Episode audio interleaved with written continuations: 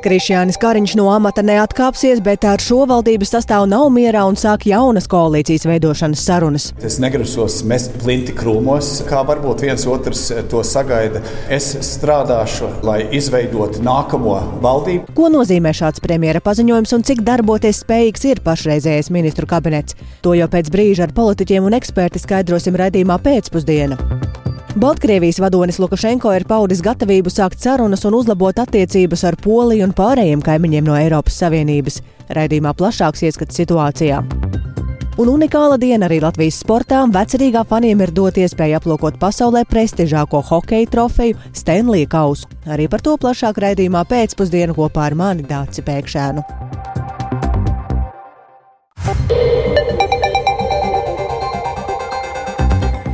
Piecas minūtes pāri četriem skan ziņu raidījums pēcpusdienā, skaidrojot šodienas 11. augusta svarīgos notikumus. Studijā Dāca Pēkšēna. Labdien! Un šodien galvenā uzmanība, protams, ir vērsta valdības virzienā, jo premjers Krišjānis Kariņš no jaunās vienotības šodien paziņoja, ka viņa ilgstošie centieni pārliecināt abas pārējās valdības partijas par koalīcijas paplašināšanu bijuši nesekmīgi. Tā kā apvienotais saraksts un Nacionālā apvienība nav piekrituši arī ministru prezidenta piedāvātajiem esošās koalīcijas turpmākās darbības nosacījumiem. Tas ir parakstīt piecu punktu saprašanās memorandu un veikt valdības sastāva atsvaidzināšanu ar izmaiņām trīs ministriju vadībām. Kariņš sākšot veidot citu valdības koalīciju, taču nedemisionēs. Tas, ka mums šobrīd valdības darbā ir tādi nelieli ciniņi, kuriem mēs ejam pāri, nav nekas eh, varbūt ārkārtējs. Tas notiek daudzās demokrātijās, arī mūsējā. Es darīšu visu, lai mēs šiem ciniņiem ātrāk eh, tiktu pāri, lai būtu šī skaidrība. Šodien man beidzot ir skaidrība no partneriem. Viņi nepiekrīt manam piedāvājumam.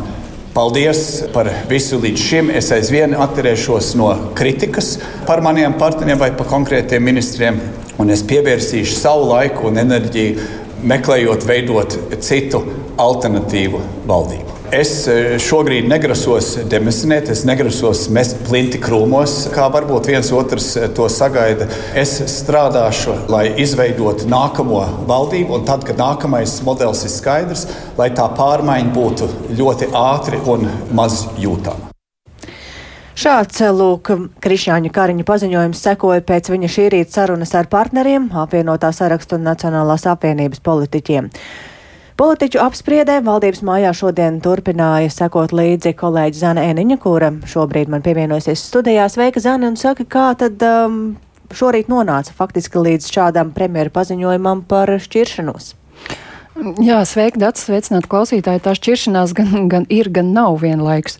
Bet, uh, kā jau tu teici, mm, Šī diena sākās ļoti agri, jo no paša rīta vēl pirms eh, deviņos paredzētās tikšanās ar Krišānu Kariņu apvienotā saraksta un Nacionālās apvienības pārstāvi pie valdības ēkas bija sapulcinājuši žurnālistus un paziņoja, ka ir cieši apņēmušies turpināt strādāt šajā valdībā.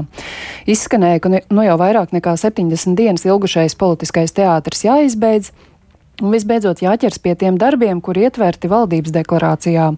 Premjers pirms sarunām ar koalīcijas partneriem gan žurnāl, ar žurnālistiem nerunāja, jo savu sakāmo viņš bija paudis jau otrdien pēc tikšanās ar valsts prezidentu Edgaru Rinkēviču.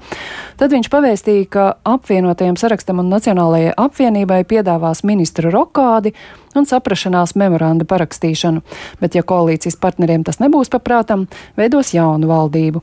Atgādināšu, ka otrdien Kariņš apliecināja, ka gadījumā, ja nāktos veidot citu valdību, tad vienīgais ceļš pie jaunas valdības būtu esošās demisija valsts prezidents nominētu jaunu premjerministru, sāktos valdības veidošanas sarunas, bet nu jau mēs zinām, ka notiek kaut kas pilnīgi cits.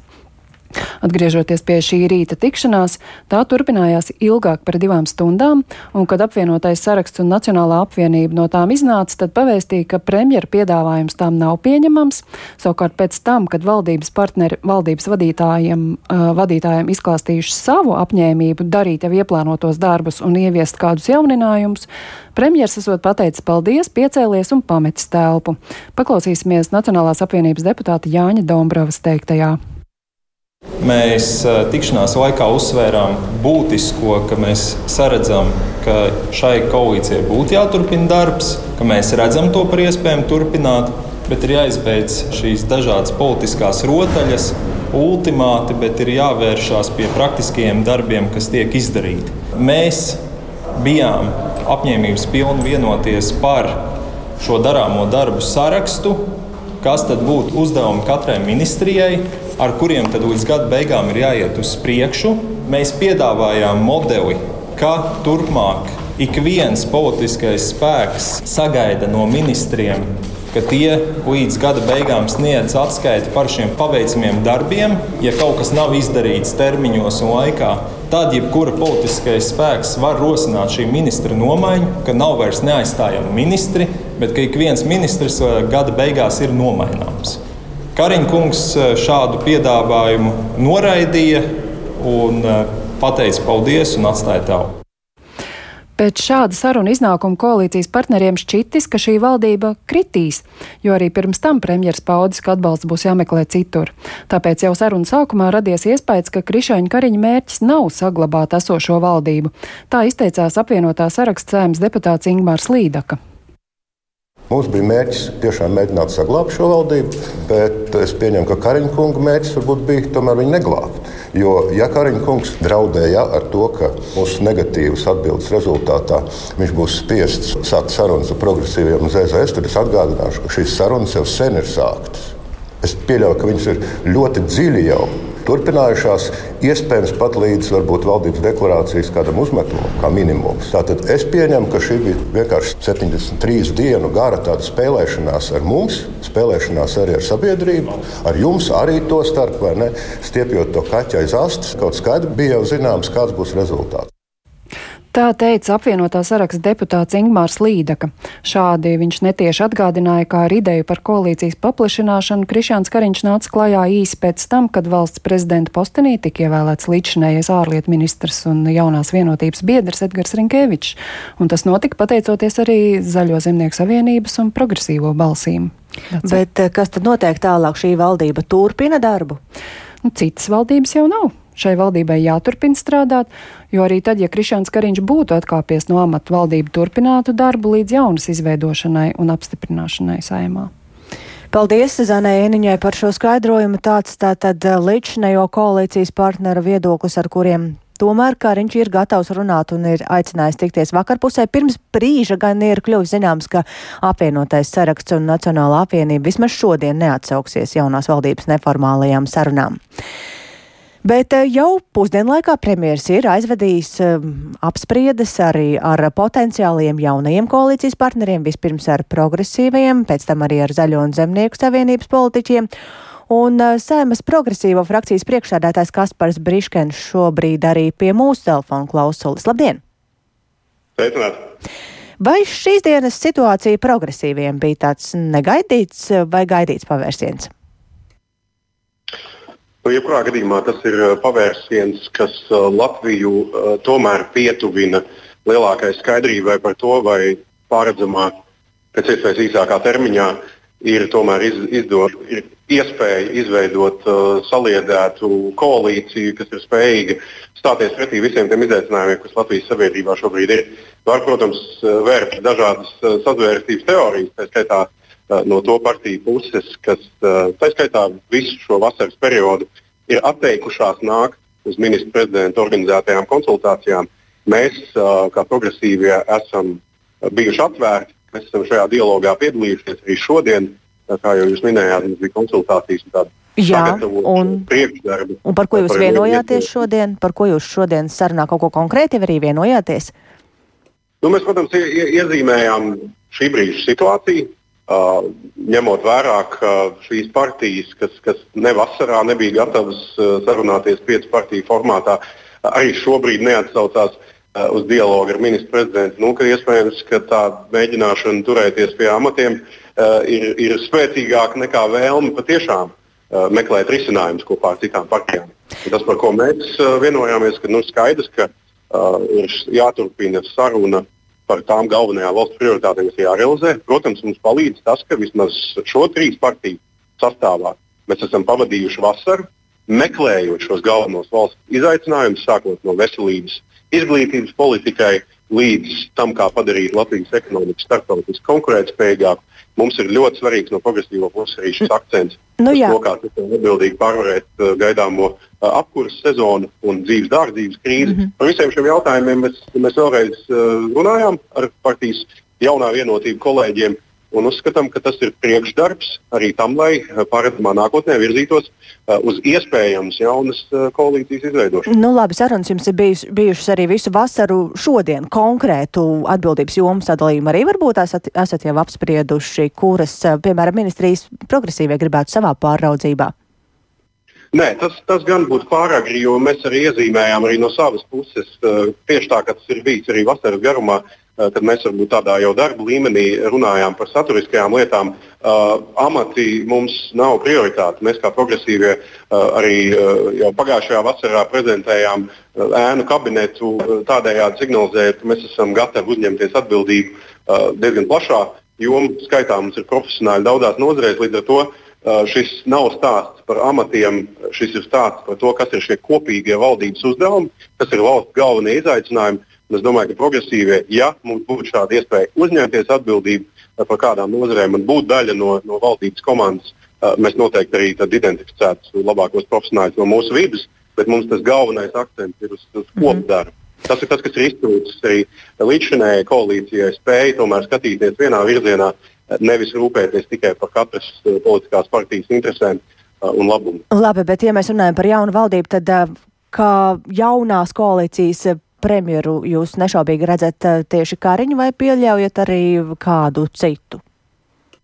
Nu, katrā ziņā jaunajai vienotībai, kā partijai ar lielāko mandātu skaitu saimā, eh, noteikti ir jāsaglabā šī iniciatīva. Eh, mēs noteikti neizlemsim jaunās vienotības vietā. Tā ir šīs partijas prerogatīva, kas tad eventuāli varētu būt gadījumā, ja, ja premjerministrs šajā gadījumā demisionē un, un tiek veidot jauna valdība, kas būtu ministra prezidenta kandidāts. Katrā ziņā līdzšinējā mūsu sadarbība ar ministru prezidentu Kariņu kungu šajās konsultācijās kopš vasaras sākuma nu, mēs esam kopumā ļoti konstruktīvi vērtējuši sadarbību. Tā tad būtu gatavi palikt pie Kāriņa kā premjera. Eh, kādas jums nākamās tikšanās jums eh, paredzēts arī kādas divpusējas sarunas, piemēram, atsevišķi ar ZZS varbūt? Eh, šobrīd mēs iezīmējām uh, nākamnedēļ uh, sarunu grafiku, kur mēs noteikti pieskarsimies uh, arī budžeta jautājumiem. Arī šis fiskālās politikas jautājums mums kā progresīviem ir īpaši svarīgs uh, par to, kādā veidā kopumā valsts uh, organizē gan atsevišķu nozaru budžeta pārskatīšanu, tā skaitā budžeta bāzu pārskatīšanu, kas netika izdarīts uh, šī gada pavasarī, kad tika pieņemts uh, šī gada budžets. Mēs noteikti runāsim arī par to, kā iespējams atsevišķas lietas, investīciju projektus tomēr finansēt ārpus budžeta iespējām. Mums ļoti interesanta šķiet saruna par nodokļu politiku, kur līdz šim opozīcijas partijas nav bijušas pie šī diskusiju galda. Tiksim, tā noteikti ir viena uh, saruna tēma. Nu, un eventuāli, ja mēs virzamies uh, patiešām uz uh, iespējamas jaunas valdības izveidi, tad es domāju, ka tuvākajā laikā būtu jāuzsākās sarunām arī par atbildības sadalījumu. Pēc tam, kad mēs būsim līdz galam vienojušies uh, par tiem galvenajiem valstiskiem uzdevumiem. Mm -hmm. Un mūsu priekšrocība ir tāda, ka vasarā, protams, šis priekšdarbs uh, ir, ir, ir izdarīts.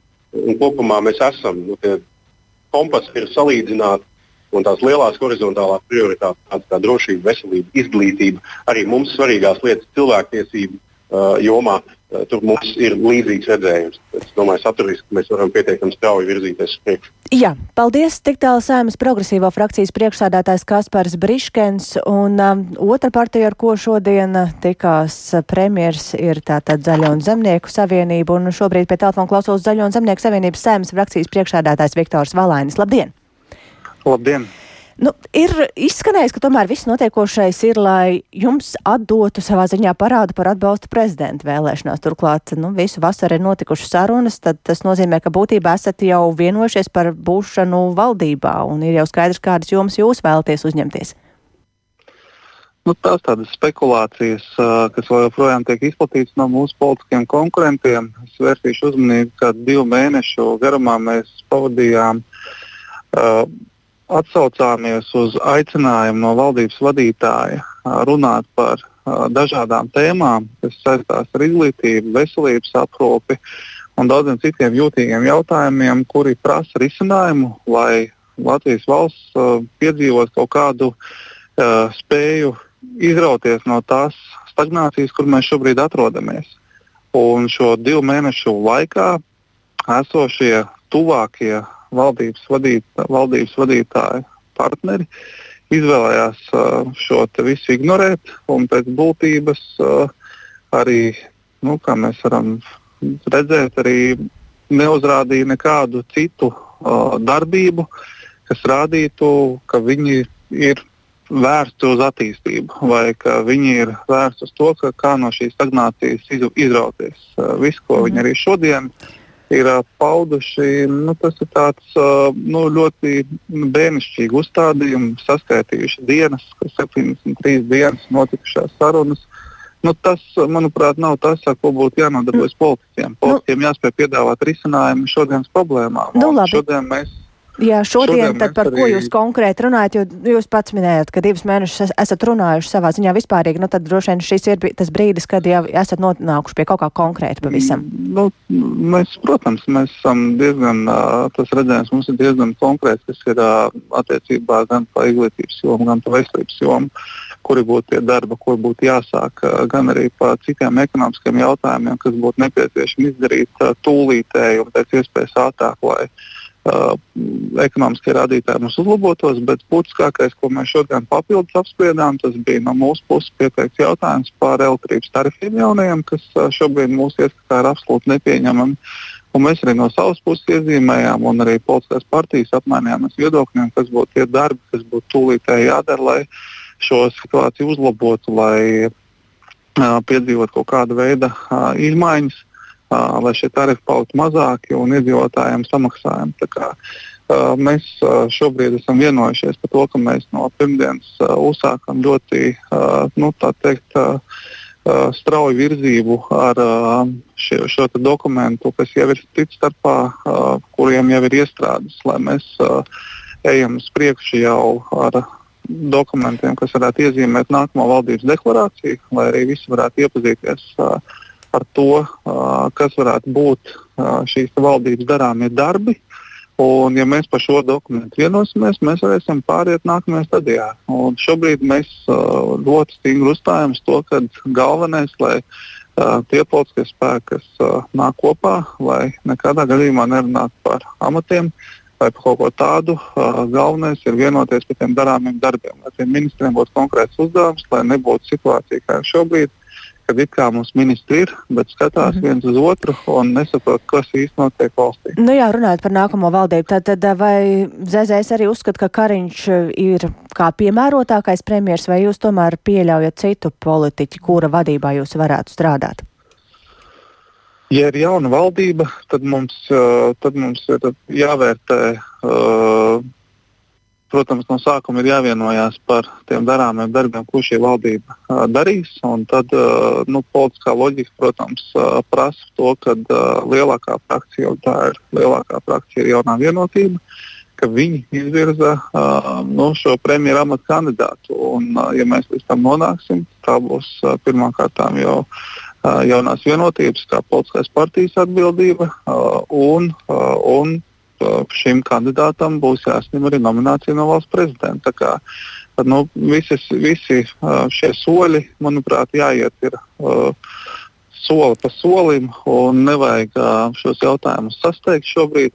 Um, šobrīd jāiet, tomēr, manuprāt, pats galvenais, uh, uz kā mēs gribētu fokusēties, ir uz to, ko šī valdība darīs, uh mhm. -huh. nevis kas to vadīs un kādu cilvēku viņam kāds amats. Ja mēs runājam par šīs valdības apēdiem, gan daudz ir runāts, kā jūs potenciāli saskatāt, vai šo jauno valdību varētu veidot tikai jaunā vienotības ZZS un progresīvie trietā, vai jūs saskatāt, ka arī varētu tā būt plašāk un pievienoties, piemēram, apvienotais saraksts vai kāds cits politiskais spēks?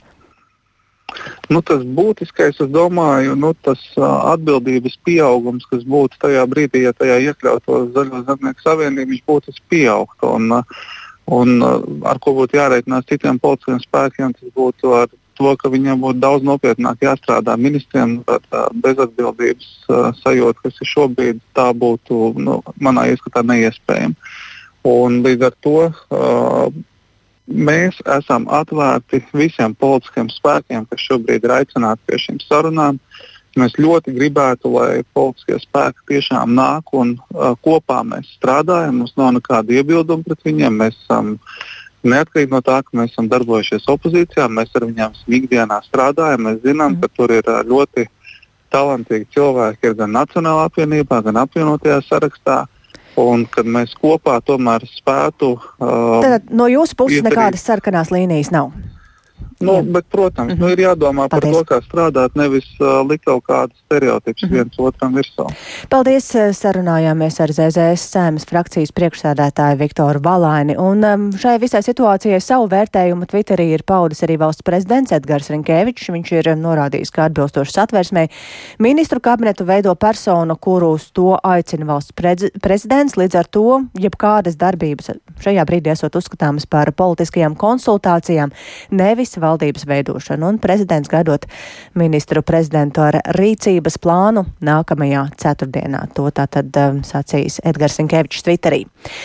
Bet notiekošo vērtēt esam lūguši arī sabiedriskās politikas centra providus direktorai politoloģijai Ivetai Kažokai. Labdien! Labdien! Kā jūs teiktu, kur mēs īsti esam šobrīd nonākuši, jo nu, nevarētu teikt, ka mums ir funkcionējoša valdība, bet nav arī tā, ka būtu premjeras atkāpies.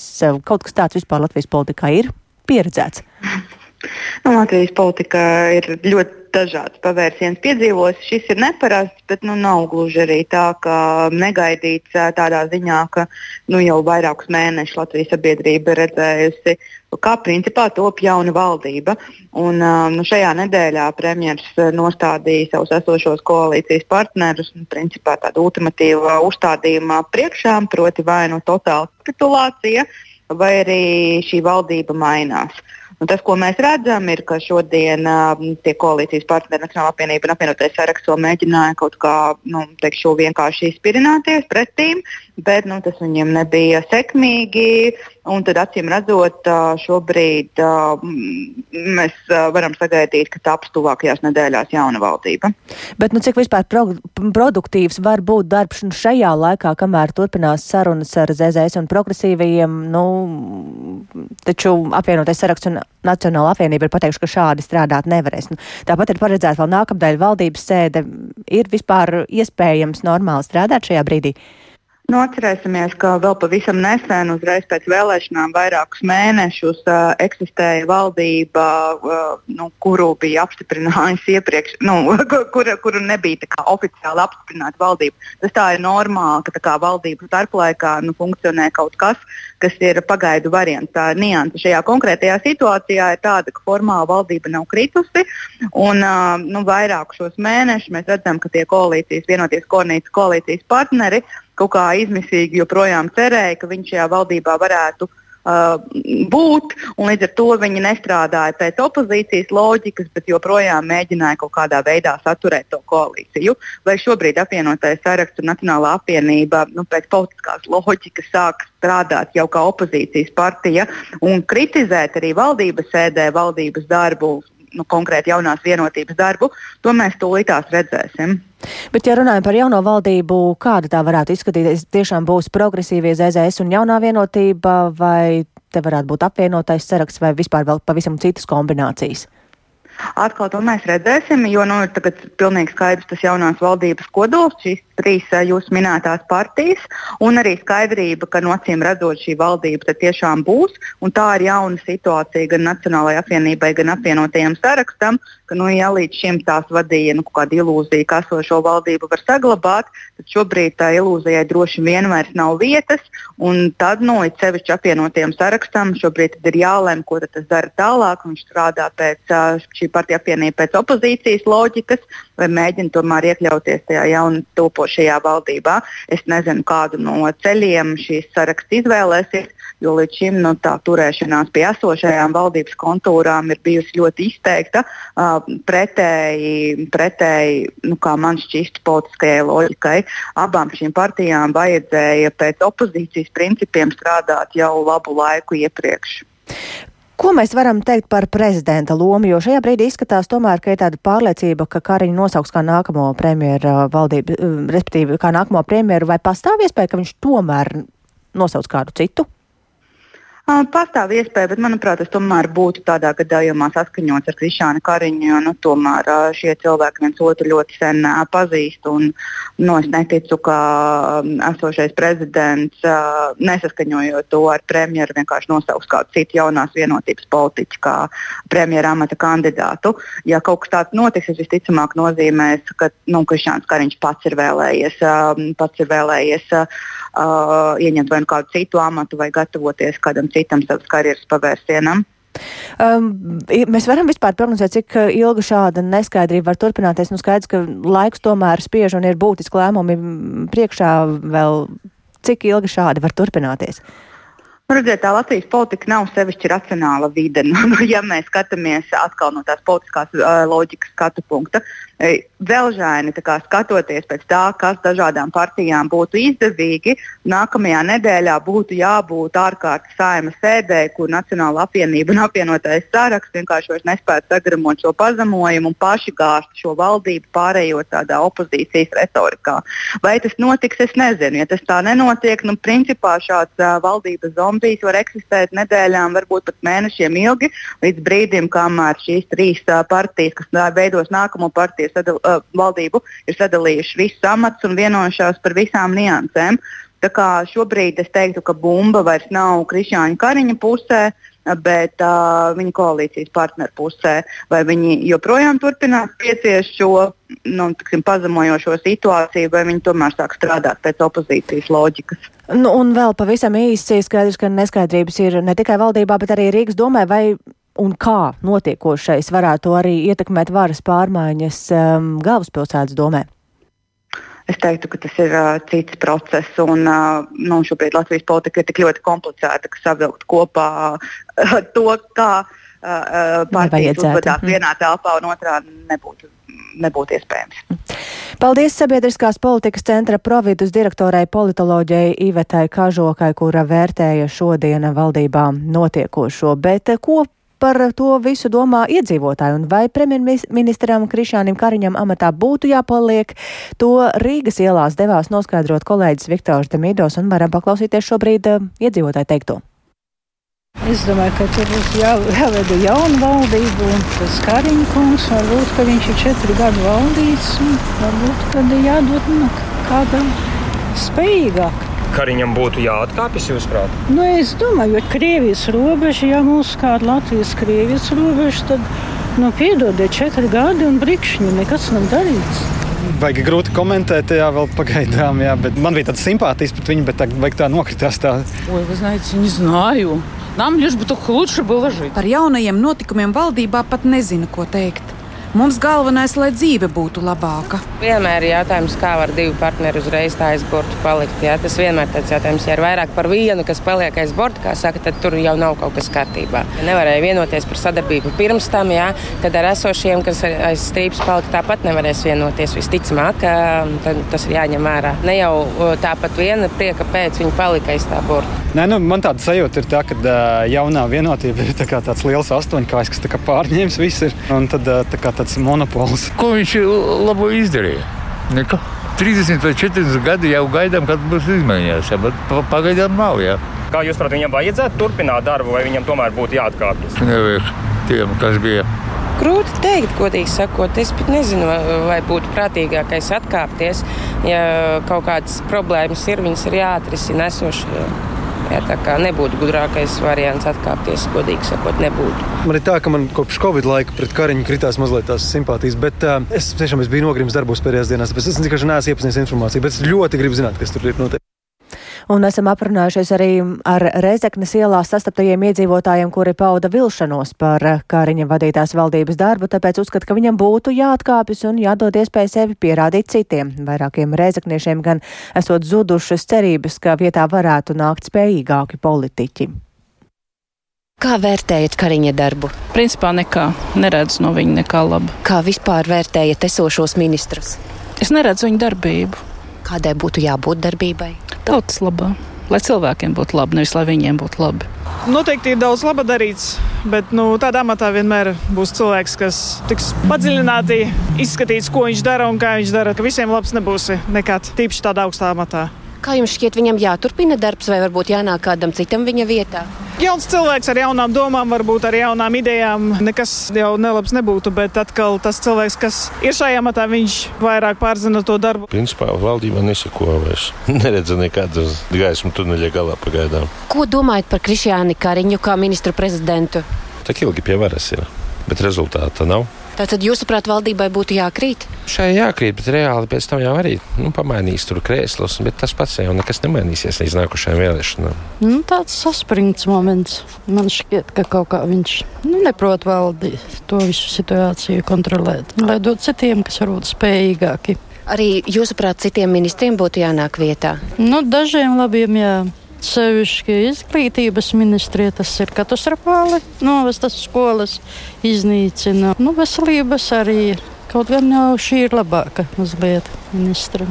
Tišāņa Kariņa darbu es vērtēju tā. Tie, kuri ir vadošajos amatos, tie jūtas ļoti labi. Tie, kuri ir vidējā līmenī, tiem ir kā māktā dzīvo. Vismaz pēc algu sistēmas, ko viņš ir uh, izplānojis. Tā arī ir. Sakiet, sekojat līdzi šobrīd notikumiem valdībā? Padruskai, jā. Ko domājat, kas tur notiek ar Krišjāņa Kariņa valdību? Nu, pagaidām pastāv. Nav nekādu pretenziju. Nu, nekādu tādu grēku nav. Citiem ir bijis vairāk. Kā ar koalīciju? Vai būtu kaut kas jāmainās, būtu jānāk jaunām partijām, jauniem ministriem? Tur laikam gan būtu varbūt kaut kas jāpamaina. Vai ir no kā tur mainīt? Tas jau jautājums. Tik tālu par šīs dienas galveno aktualitāti, tad, tad nespējot vienoties ar līdzinējiem partneriem, Kariņš sāks veidot jaunu valdību, bet pats neatkāpjas notikumiem. Turpināsim sekot arī līdzi savos turpmākajos ziņu raidījumos un par to vēstīt arī jums. Bet mēs turpinām ar to, ka Baltkrievijas vadonis Aleksandrs Lukašenko ir paudis gatavību sākt sarunas un uzlabot attiecības ar Poliju un pārējiem kaimiņiem no Eiropas Savienības. Neseno Varšavas lēmumu pastiprināt robežas aizsardzību ar Baltkrieviju Lukašenko skaidro ar oktobrī Polijā gaidāmajām vēlēšanām.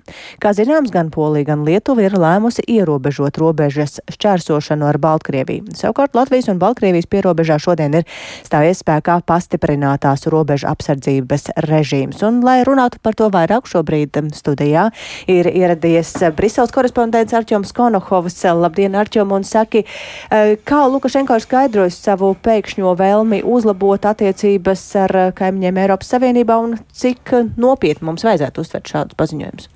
Labdien, Dārts, labdien, klausītāji! Lukašenko ir lidostā, Minskas lidostā ticies ar darbiniekiem un ir uzrunājis sev ierastā stilā strādājošos tur un ir sacījis, ka tik tiešām kaimiņus neizvēlās, kāda ir, tāda ir, un ar visiem jādzīvo draudzīgi. Un jāsaka, ka līdzīgas izteikumus no Lukašenko mēs esam dzirdējuši gadu garumā. Viņš ik pa laikam mēģina te pietuvināties austrumiem, te pietuvināties rietumiem, un tā ir būvējis faktiski visu savu politiku šo daudzo gadu laikā, kamēr viņš ir pie varas.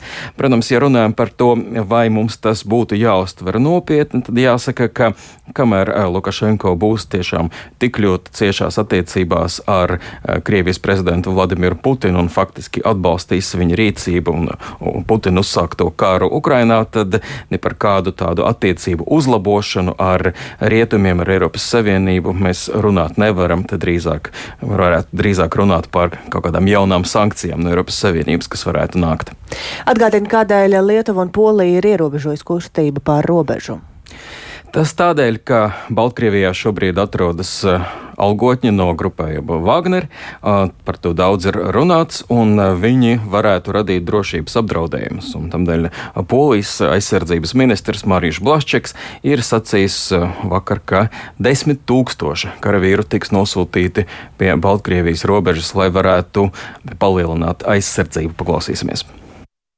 No mniej więcej wielkości takiej, jaka była wcześniej, kiedy dochodziło do tego ataku właśnie. Klātbūtne būs līdzīga tai, kāda tā bija 2021. gadā, kad notika hibrīdu uzbrukumi. Tie būtu aptuveni 10 tūkstoši karavīru. No tiem 4 tūkstoši būs tieši iesaistīti operācijā, lai palīdzētu robežsargiem. Pārējie 6 tūkstoši atradīsies gatavībā rēģēt.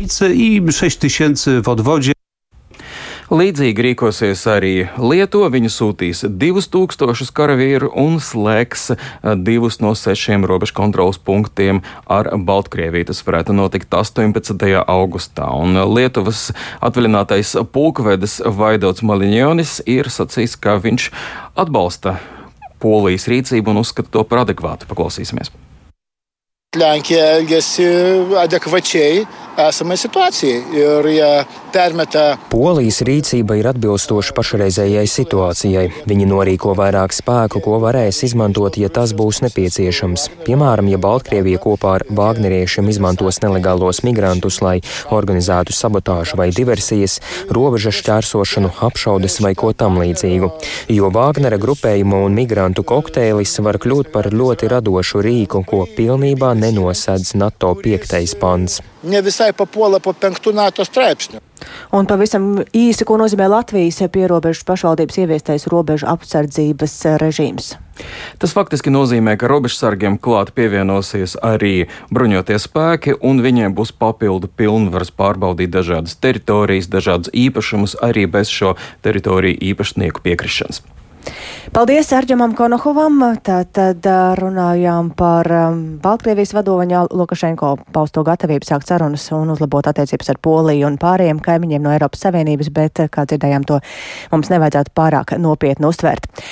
Lauku atbalsta dienests sāk pieņemt lauksaimnieku ziņojumus par vētrā radītajiem postījumiem. Savukārt iedzīvotāju mājokļiem un pašvaldību infrastruktūrai vētra varētu būt radījusi vismaz 11 miljonu eiro zaudējumus, tā lēš vides aizsardzības un reģionālās attīstības ministrija. Valsts ir uzņēmusies kopumā pašvaldībās sekt līdz 90% izdevumu vētras postījumu novēršanai un vairāk par to Sintīs Ambots ierakstā.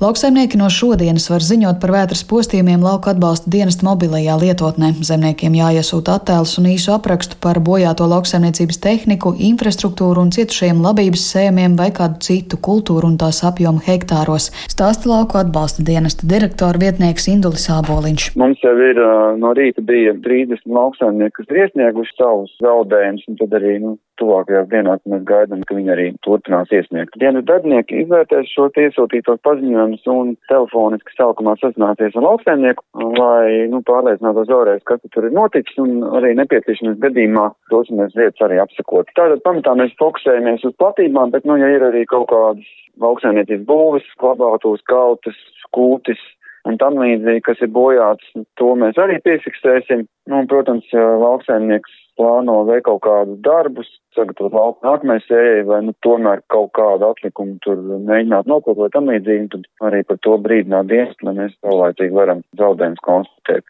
Paredzēts, ka pēc šo zaudējumu aplēsēm valdībai būs jālem par kādu atbalstu lauksaimniecības nozarei. Tikmēr šajā nedēļā valdība jau atbalstījusi atbalsta piešķiršanu par vētrā radītajiem postījumiem gan pašvaldību īpašumā esošiem infrastruktūras objektiem, gan dzīvojamo māju atjaunošanai. Kopumā līdz šim vētras postījumus iesniegušas 16 pašvaldības un lielākie postījumi ir Dobeles, Jelgavas, Madonas, Tukuma un Augšdaugavas novados.